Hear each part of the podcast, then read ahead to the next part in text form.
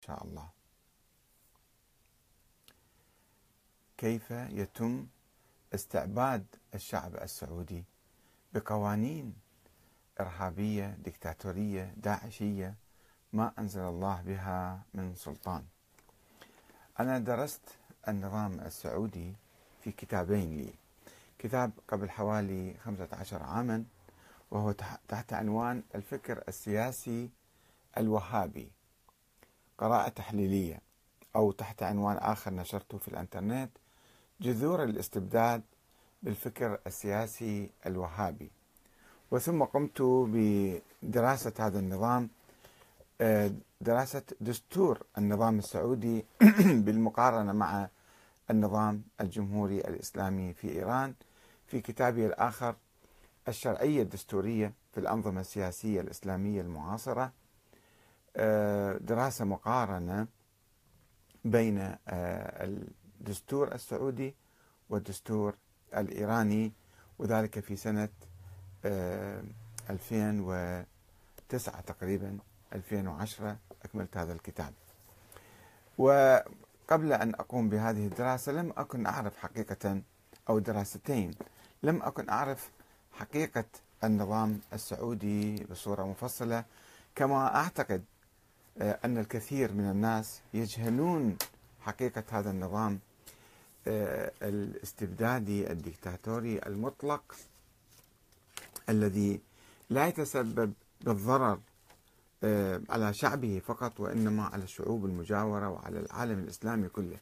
بما يشوه الإسلام وبما يثير من حروب حروب مستمرة حروب عدوانية كل يوم حرب مع بلد لكي يخضع هذه البلاد آه، له ويبيعها للاستعمار والمستعمرين. يعني هو لا يتدخل في هذه البلاد فقط لمنافع خاصة له. هو يحاول أن يفرض سيادته بال وسيادة المستعمرين والصهاينة بالوكالة عن المنطقة كلها. أنا درست الفكر السياسي الوهابي ودرست النظام السعودي الدستوري. النظام الدستوري للسعودية اللي ما يوجد فيها نظام دستوري وإنما ما يسمى بمثابة نظام اللي هي القوانين آه، أو الأنظمة الثلاثة التي أصدرها الملك آه، الأسبق فهد آه، سنة 92 بعد المطالبة بالديمقراطية والحرية في السعودية. فأصدر هذه الأنظمة ودرستها بالتفصيل في كتابي الشرعية الدستورية اللي هي ما تتحدث عن حقوق الشعب وحرياته آه، وإنما تتحدث فقط عن آه، صلاحيات وحقوق الأسرة المالكة والملك. في الفترة الأخيرة تعرفون تكنولوجيا الاتصال الاجتماعي أو العام وسائل الاتصال الاجتماعية مثل تويتر مثل فيسبوك مثل يوتيوب مثل الإنترنت عموما الناس في السعودية بدأوا يعني يرون في هذه الوسائل الحديثة اللي يشترك بعض أمراء السعودية في آه، يعني في آه، تكفل أو في يساهمون في آه، أموالها يعني مشترين أسهم مثل وليد بن طلال المشتري حوالي 22% من أسهم تويتر حتى يعطي فلوس لها ويربح. ف الشعب السعودي حاول أن يتعرف على العالم وما يجري حواليه. الإعلام طبعا مطبق عليه الإعلام السعودي إم بي سي والقنوات الفضائية اللي أيضا صادرها الملك القادم ابن سلمان. إم بي سي وروتانا وكل القنوات هذه حاول أن يسيطر عليها حتى آه، يخيم على الإعلام ويمنع الناس من الاستماع للمحطات الأخرى حتى لا يستمعوا أي شيء. و أو يشوش عليها أو يمنعها ويعاقب عليها.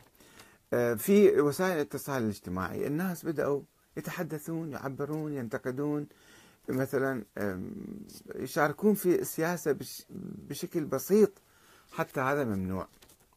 ممنوع. الدولة كل ما تقرر هو حلال وكل ما تحرم فهو حرام.